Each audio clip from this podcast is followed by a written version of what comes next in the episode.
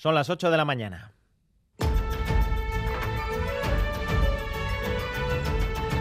Crónica de Euskadi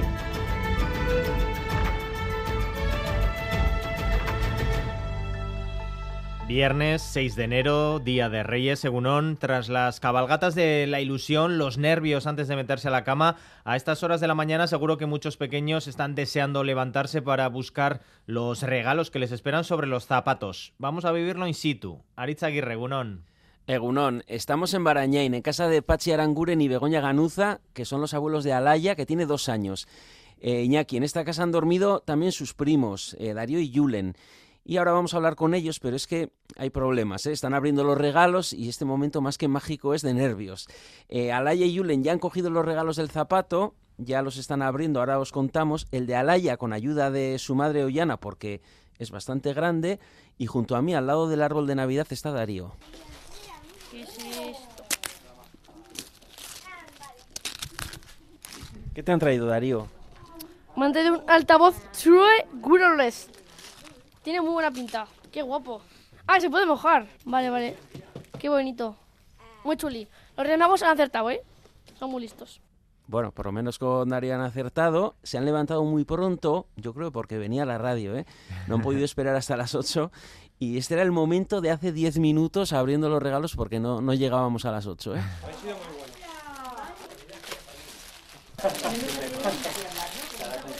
Póntelo junto ahí. No, ni póntelo. Que parece una tele, ¿eh? Aquella caja grande parece un balón de fútbol.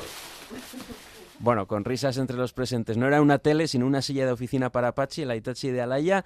Ahora hacemos el recuento de regalos y a ver si podemos hablar con Alaya, que tiene dos añitos. Osondo, es que ricasco Aritz, con una familia de Barañain que, visto lo visto, se ha portado bastante bien eh, durante todo el año. La visita de los Reyes de Oriente, sin duda, eh, va a dar paso al estreno de esos nuevos eh, juguetes en casa y también en los parques. Es la traca final de las Navidades de la normalidad.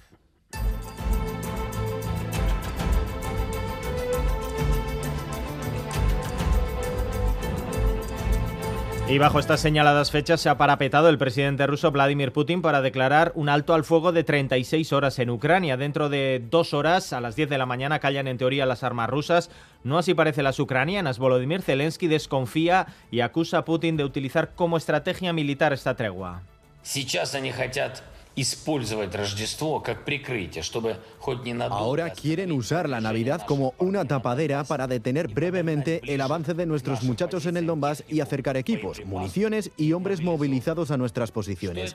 ¿Qué traerá esto? Solo otro aumento en el número de muertos. Todo el mundo sabe cómo el Kremlin utiliza los respiros en la guerra para continuar con renovado vigor.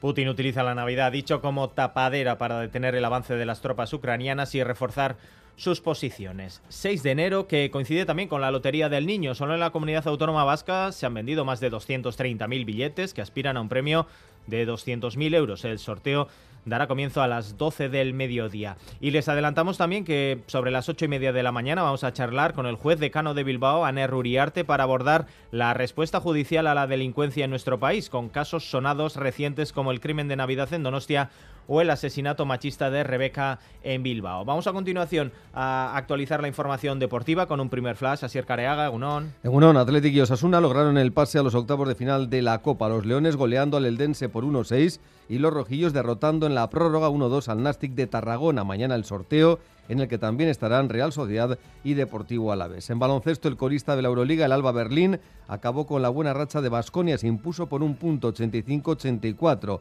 Hoy se disputan además dos partidos correspondientes a la séptima jornada del mano parejas. Los zagueros Vicuña y Morga Echevarría suplirán a Martija y María Escurrena respectivamente. Y en golf, John Ram arranca como líder el torneo de Kapalua en Hawái. Y hoy 6 de enero, Erzañac cierra definitivamente su regreso a los escenarios con un concierto multitudinario en la ciudad que la vio nacer, en Vitoria-Gasteiz. Una enorme fiesta que se va a vivir en el Casco Viejo primero, posteriormente en Mendizabala, un adiós soñado que nos avanza Juan Ramón Martiarena.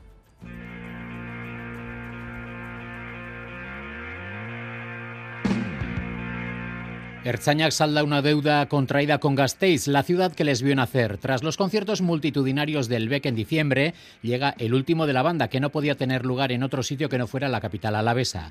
Gary, vocalista de la formación, afirma que no va a ser un simple concierto, sino que va a ser un gran día de fiesta en Gasteiz, con el euskera y el buen ambiente como ingredientes principales. Es importante para nosotros crear una fiesta durante todo el día. Creo que la parte vieja tiene que ser escenario ese día de una fiesta en la cual eh, se viva todas esas expresiones de aquellos, de aquellos días y que nosotros seamos la excusa perfecta para ello. Este último concierto tendrá lugar en una gran carpa climatizada instalada en Mendizabala con todas las entradas vendidas de antemano, por tanto se esperan unos 15.000 asistentes. Para calentar el ambiente antes de la actuación de Erzañac, pasará por el escenario una amplia representación de la cultura y la música euskaldun, como entre otros Manes Aguirre, Paula Amilburu, Xavier Muriza, Juancho Aracama, John Basaguren, Miren Arbaiza, Rupert Ordorica y Miquel Urdangarín.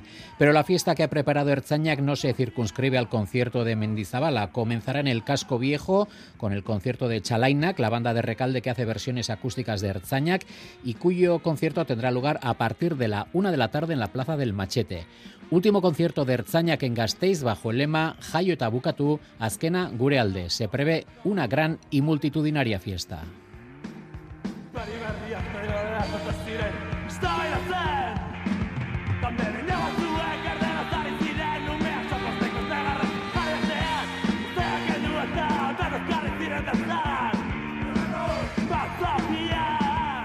A continuación vamos a conocer el tiempo que les espera a los seguidores de Erzaña, que entre otros, Euskalmed, Jaionemuna, Rizegunón.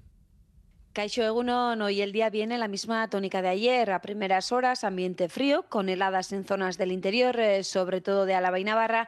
Y también hay que destacar las nieblas que se han formado en Álava y sur de Navarra. Estas nieblas se podrían persistir hasta la tarde, de manera que la mañana será fría en estas zonas y las máximas se van a quedar en general por debajo de los 10 eh, grados. En cambio, en el resto, desde primeras horas va a lucir el sol, con alguna nube alta por la tarde.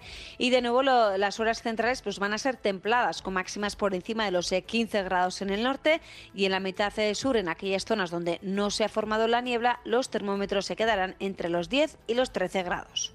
A estas horas se registran 7 grados de temperatura en Donostia, 4 en Bilbao y en Bayona, 1 grado en Iruña y en Vitoria-Gasteiz, 1 grado bajo cero. Vamos a continuación a actualizar la información del tráfico. Así Herrero, Gunón. Eh, sin problemas en la red viaria vasca hasta ahora, pero los servicios de emergencia de Euskadi han encontrado sobre las 9 de esta pasada noche en Orozco el vehículo del hombre de 77 años de edad desaparecido en una amplia zona rural del territorio alaves. Él mismo advirtió de que había sufrido un percance con su vehículo en una zona que no supo precisar. Según ha informado el Departamento de Seguridad, a partir de ese hallazgo, la búsqueda ahora se centra en las inmediaciones del lugar donde estaba el turismo. A las 9 de la mañana se retomará en el barrio de Urigoiti. Saludos desde el control técnico, Joseba Orruela y, y Paula Asensio y también de quien les habla Iñaki Larrañaga. Comenzamos.